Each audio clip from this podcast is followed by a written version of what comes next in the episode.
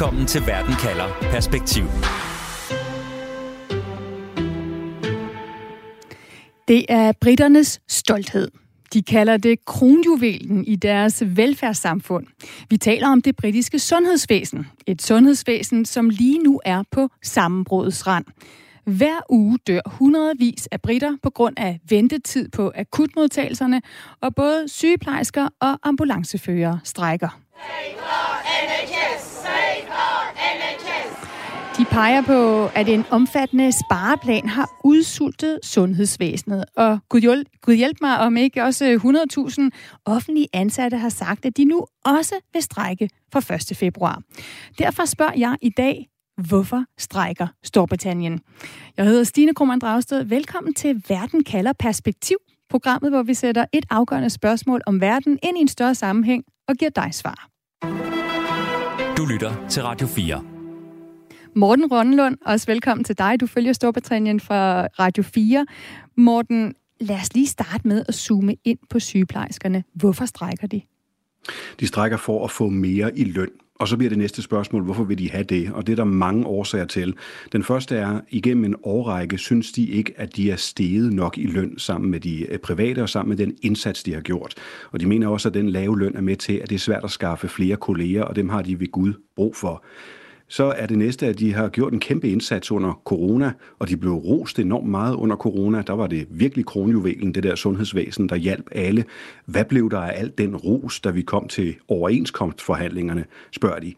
Og så er der jo øh, den almindelige udhuling i den britiske økonomi og hos den almindelige britte, som inflationen har været årsag til, og som også noget af den øh, politiske kaos, der har været i de seneste seks måneder i Storbritannien, har gjort endnu værre. Så det er blevet meget dyrt at være britte, og derfor vil også sygeplejerskerne have noget mere i løn. Så det er en kombination af flere forskellige ting, der gør, at de siger, nu vil vi have en del mere. Så det er sygeplejerskerne. Så er der det britiske sundhedsvæsen, som øh, eksperter siger nærmest står over for et kollaps. Hvor stor en krise er det i? Lige nu er krisen enorm. Øhm, lige øh, før vi kom på her, der kom nye tal for, øh, for blandt andet ambulance- og skadestuetjenesten, og det er virkelig nedslående tal. Øh, folk venter i ambulancer og venter på at komme ind på skadestuer i timevis. Øh, der har været eksempler på øh, i løbet af en weekend, at der uden for et hospital i Storbritannien holdt 32 ambulancer med patienter i, der ikke kunne komme ind på skadestuen. Selvfølgelig ikke livstruende, men, men nogle af de øh, mindre alvorlige ting. De kunne simpelthen ikke komme ind øh, på, øh, på skadestuen, og der holdt de i timevis. Folk, der har ventet i 36 timer, ligget i 36 timer i øh, ambulancer uden foran, øh, ude foran øh, sygehusene. Der er simpelthen ikke plads nok på, øh, på øh, sygehusene, for man får ikke udskrevet patienter hurtigt nok, og der er heller ikke personale nok til at få det her øh, til at ske. Så det er på, på kollapsets rand. Den den seneste historie derovre fra, som er øh, en halv time gammel, det er et eksempel på en, god med, ansat sygeplejerske, der er gravid, ligger i en ambulance i så lang tid, øh, altså øh, øh, over et døgn, at, øh, at øh, hun til sidst øh, dødføder øh, barnet. Og det, det er nogle af de ekstreme eksempler på, hvad der sker i den her øh, ventetid. Vi har også været i kontakt øh, med Jasmine Laws, der bor i Surrey, altså i udkanten af London. Hun, hun er ikke ved at dø af en eller anden farlig sygdom. Hun fortæller simpelthen, at hun bare har ventet i fire måneder på at få tid på hospitalet for langtidssymptomer for covid, øh, hvor hun altså kæmper med, med slemme symptomer. Og alligevel siger hun så, at hun, øh, hun sympatiserer stadig med, med sygeplejerskernes strække. Og Morten, det er jo det, der også er svært i den her debat. Altså, er det her en høne og ægget debat? Er der en krise, fordi sygeplejerskerne strækker, eller strækker de, fordi der er en krise? De strækker mest, fordi der er en krise, øh, men også lønspørgsmålet. Det er ikke strækkerne i sundhedsvæsenet, der har udløst krisen. Øh, der var problemer i forvejen med rekruttering, der var ventelister, der steg i forvejen, og så kom øh, coronaperioden, og så blev det endnu værre. I dag har britterne for første gang kunnet konstatere, at ventelisterne skrumpede en lille smule fra 7,21 øh, til 7,19 måneder øh, på øh, den gennemsnitlige venteliste. Det er så også ikke farlige operationer og lignende, men, men, men det er den størrelsesorden, vi, øh, vi er i. Men samtidig, som jeg sagde før, så er der andre tal, der peger i den, øh, i den helt forkerte retning. Og så er det jo øh, et stort spørgsmål at stille, men kan du pege på, hvad det er, det skyldes den her krise i det britiske sundhedsvæsen? Er der en hovedgrund til det? Altså, Jeg skal passe på, at det ikke bliver for politisk, men der er i hvert fald mange røster, der mener, at 12-13 års konservativt øh, styre, hvor man har underprioriteret øh, NHS, altså det britiske sundhedsvæsen, er en medvirkende årsag. Man har simpelthen ikke kastet penge nok efter det. Man har ikke øh, fulgt lønudviklingen, og man har ikke fået rekrutteret godt nok. Og så kommer man bagud over et, øh, et årti, også i innovation og arbejde smartere og lignende, for man har travlt med bare at overleve i hverdagen. Så det er den årsag, som de fleste øh, peger på. Altså det er en, en, en hård kritik af regeringens håndtering øh, de sidste øh, over 10 år. Noget af det, som mange peger på, når der er problemer i Storbritannien i øjeblikket, det er jo også Brexit. Handler det her på nogen måde om, at Storbritannien ikke længere har adgang til, til arbejdskraft i EU på grund af Brexit? Det gør det også, men problemet var der også før. Brexit har gjort alting værre, også rekrutteringen af, af arbejdskraft øh, udefra. Og så har man jo også strammet immigrationslovgivningen, fordi man ikke vil have for mange både flygtninge over vandet og lignende. Men Brexit har også gjort den økonomiske situation værre. Så det vil sige, dels er det svært at tiltrække øh, øh, folk, der kan arbejde for eksempel i sundhedsvæsenet. Dels er det svært at øh, få den vækst og den økonomi, der gør, at man kan betale for at tiltrække nogen. Så på den måde har Brexit øh, stadig sine, sine virkninger, også selvom det er et ret upopulært øh, synspunkt, skråstreg upopulær rapport rapporter, der viser den her negative effekt af Brexit. Nogen, der selv har prøvet at strække for at kræve højere løn og bedre forhold, det er jo de danske sygeplejersker. Så vi fik fat på formanden for de danske sygeplejersker for at høre, hvad hendes råd er til hendes britiske kollegaer. Du lytter til Verden kalder Perspektiv på Radio 4. For i Danmark, der har Dansk Sygeplejeråd erklæret deres fulde støtte til sygeplejerskerne i Storbritannien. Og lidt tidligere i dag, der spurgte jeg Grete Christensen, som er formand for Dansk Sygeplejeråd, hvorfor. Det har vi jo, fordi vi øh, kan se, at øh, nogle af de argumenter, som de britiske sygeplejersker de har øh, ført frem, og som er årsagen til, at de er endt i strække, de ligner rigtig meget de argumenter, som vi førte frem, da vi var i strække sidste år. Og I strækkede jo tilbage i sommeren 2021 her i Danmark. Hvad er parallellerne, som du ser det mellem jeres og britternes strække? Jamen, det er helt tydeligt, at noget af det, som, øh, som er meget sammenligneligt, det er et sundhedsvæsen, som har været under økonomisk pres over rigtig mange år, og hvor, øh, hvor der er blevet effektiviseret rigtig meget. Og det, der ikke er blevet skruet så meget på, det er lønningerne til de medarbejdere, som arbejder i sundhedsvæsenet, og herunder sygeplejerskerne. Og det er en væsentlig årsag til, at det er svært at rekruttere til de områder i stort set alle lande. Vil du så sige, altså med det her udgangspunkt med problemerne med de lave lønninger, som du også påpeger er en global tendens, og I derfor også bakker op om øh, de britiske sygeplejersker, vil du sige, at de danske sygeplejersker fik det ud af det, som de ville dengang? Der er jo overhovedet ingen tvivl om, at øh, vi ikke øh, fik det ud af det, øh, som vi ville. Vi ønskede jo, at man handlede på det allerede øh, i forbindelse med konflikten. Det, der er sket i Danmark, er jo, at der har været en tydelig opmærksomhed omkring øh, både vores lønninger, men jo også lønningerne i det hele taget i den offentlige sektor. Øh, og det er blevet et omdrejningspunkt for, øh, for øh, politiske diskussioner, også i forbindelse med folketingsvalget. Så øh, på den måde er det blevet i talesat, men der er jo ikke fundet nogen løsninger endnu. Så i Danmark står vi stadig med et kæmpe problem. Jeres strække endte med et lovindgreb for Folketinget. Den britiske regering tror også med at gribe ind nu. Har du, Grete Christensen, har du nogle gode råd til dine britiske kollegaer, for at de ikke ender samme sted som jer? Jamen, altså, øh, de gode råd til, til kollegerne er jo at passe på hinanden, øh, fordi det her det er rigtig hårdt. Øh, Øh, og det er en kæmpe udfordring at stå over for alle de øh, syge mennesker hver eneste dag, og ikke kunne levere øh, en, øh, en god øh, sygepleje og behandling. Øh, men at øh, vi bliver nødt til at tale højt om det her, fordi der er et tydeligt signal i, at øh, de øh, særligt kvindedominerede fag i hele verden øh, ikke bliver honoreret på tilsvarende vis som øvrige fag. Og derfor så er tiden til, at øh, politikerne vågner rundt omkring, og at man også får gjort noget ved det. Så, øh, så jeg ser øh, deres kamp som et led i vores kamp, øh, og at vi øh, ved fælles hjælp øh, forhåbentlig finder nogle landingsbaner inden for overskuelig tid. Og lige nu går deres kamp jo ud på at, at strække, og som du siger, så de strækker, I selv var i gang med, dem, der fik I ikke ud af det, som I ville. Mm. Hvad skal de britiske sygeplejersker i hvert tilfælde slet ikke gøre, hvis du skal give dem et råd? Altså hvis du kan tænke på, okay, der var nogle fejl, vi begik, øh, som kunne have gjort, at vi havde fået mere ud af det. Jamen, jeg tror egentlig, at jeg øh, tænker, at de øh, engelske sygeplejersker, de har, og øh, andre øh, ambulanceredder og andre, som også strækker derover, øh, har øh, tænkt sig grundigt om i forhold til deres strækker, som jo mere er punktstrækker, Øh, det, der vel er vigtigst, det er, at øh, politikerne gør sig de overvejelser, der hedder, at hvis vi vil have et velfungerende sundhedsvæsen, så er det også nødvendigt at øh, betale medarbejderne en løn, som, som er anstændig, og give dem den anerkendelse, fordi vi har alle sammen brug for det. Og, og jeg har set, at den britiske organisation for sygeplejerskerne, Royal College of Nurses, øh, har ragt ud og har foreslået en øh, forhandling om, øh, om det lønkrav, de rent faktisk har liggende.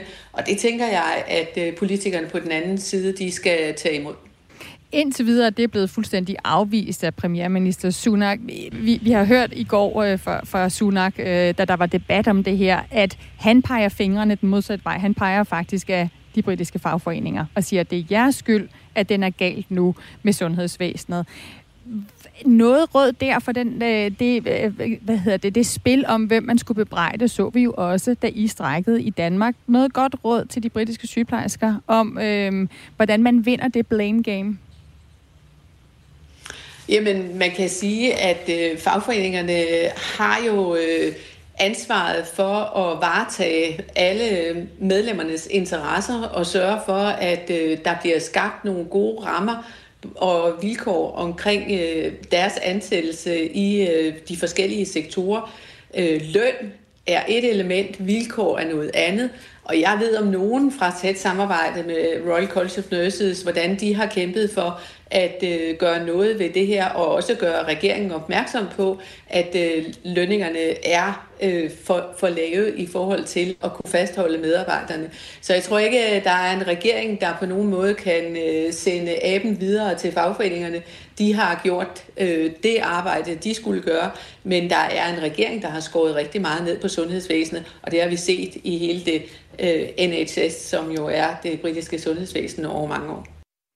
Morten Rønnelund, øh, Radio 4 Storbritannien kommentar. Aben kan ikke sendes videre, øh, vurderer Grete Christensen, altså formand for Dansk Sygeplejeråd, øh, når Richie Sunak, altså premierminister i Storbritannien, siger, at det også er fagforeningen, der har en, en skyld i det, den situation, man, man står i nu. Er du enig i, at det ikke lykkedes for ham med det?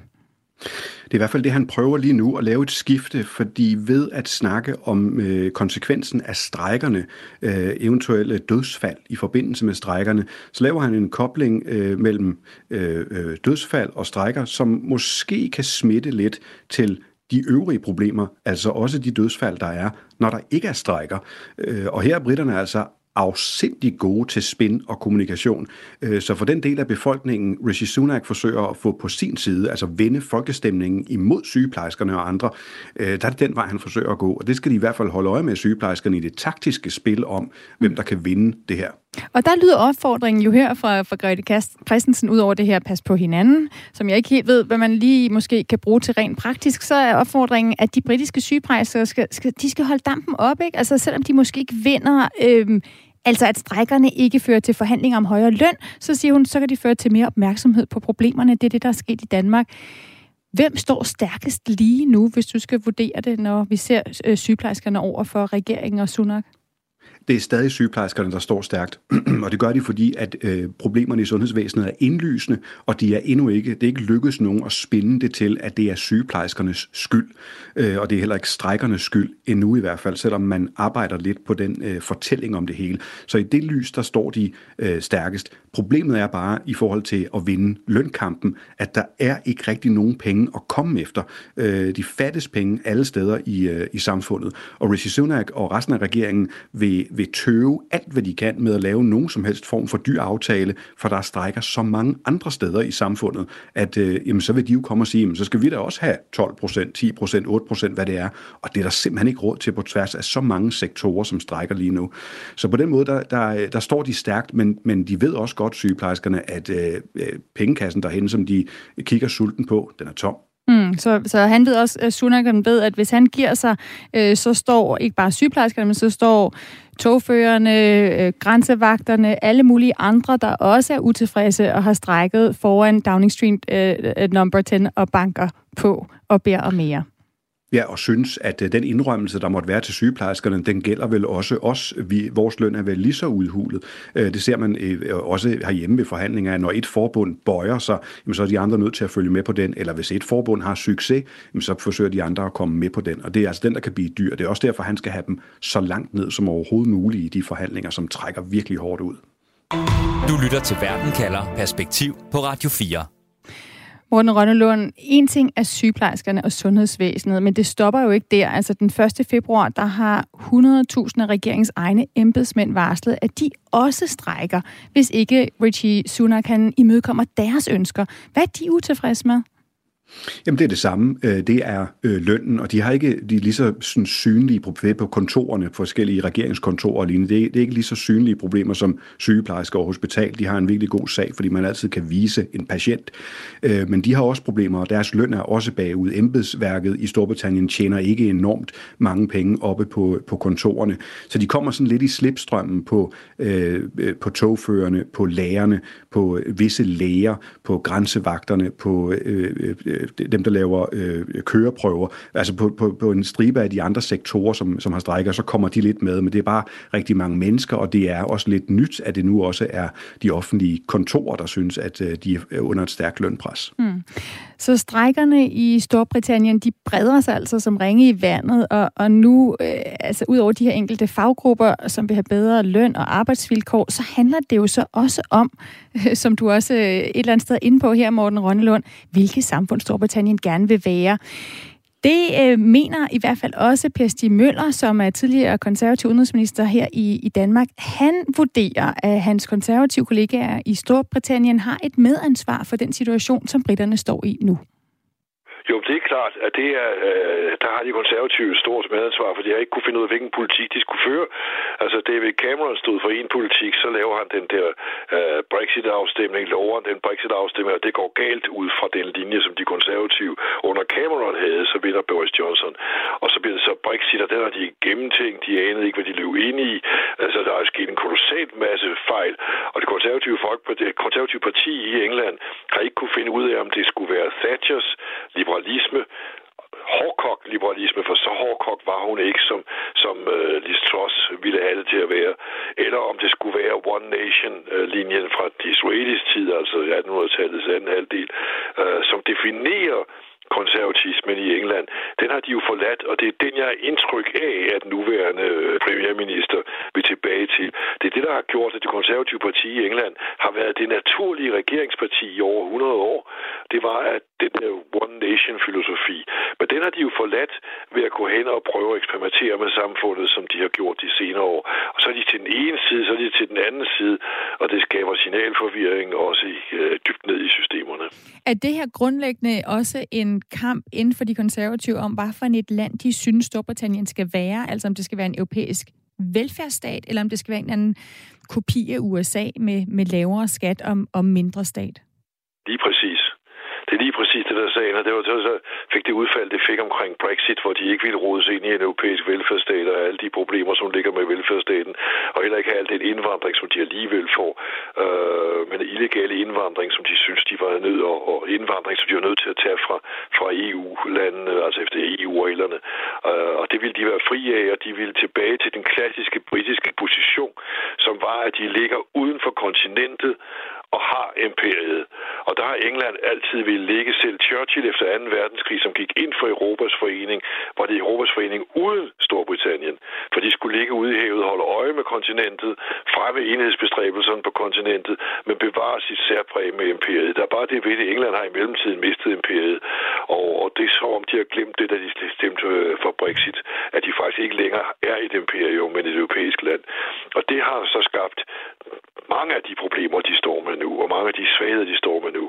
Øh, så problemet er, at det konservative parti i England, jeg har ikke vidst, øh, har ikke kunne finde ud af, hvad vej de vil gå. Og de moderat konservative, de social konservative, altså, de blev smidt ud under Boris Johnson. Og det er jo så en stor svækkelse af partiet, mangler præcis den fløj, der stod for, for One Nation. Og så bliver det jo til et klasseparti eller interesseparti, men ikke noget helhedsparti. Prøv lige at sætte nogle flere ord på det her begreb One Nation, som du mener er afgørende for de konservatives succes i Storbritannien.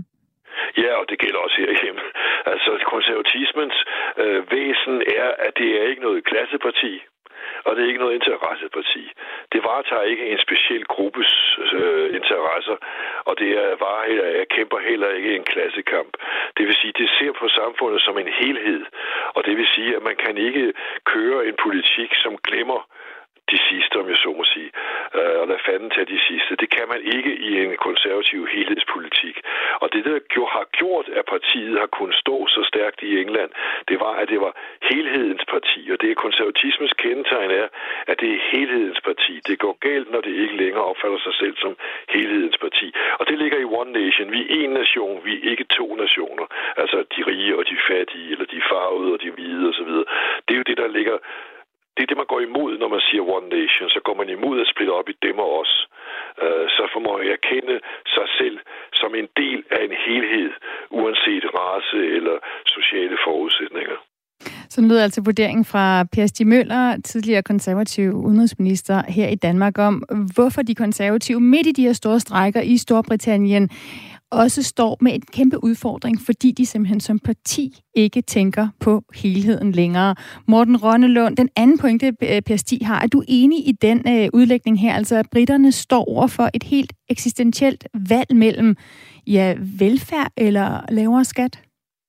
Altså britterne lige nu, som det ser ud i meningsmålingerne, har tænkt sig at vælge Labour, oppositionspartiet, ind næste gang, der er valg med et overvældende flertal. Og øh, deres politik er klar. Øh, der skal klar styrkelse i hele velfærdssamfundet, alle de øh, offentlige øh, samfundsbærende institutioner. Så kampen er i første omgang, helt rigtigt som Per Stig siger, øh, hvad for et samfund skal det være. Men det er en kamp, der lige nu mest udkæmpes inde i det konservative parti. For det er ganske rigtigt, at øh, Boris Johnson og hele hans Brexit-klan fik smidt nogle af de lidt mere moderate konservative ud. Og det vil også sige, at der er en fløj af stærke Boris-støtter, der faktisk netop nu arbejder på, om han kan komme tilbage, hvis Rishi Sunak falder igennem.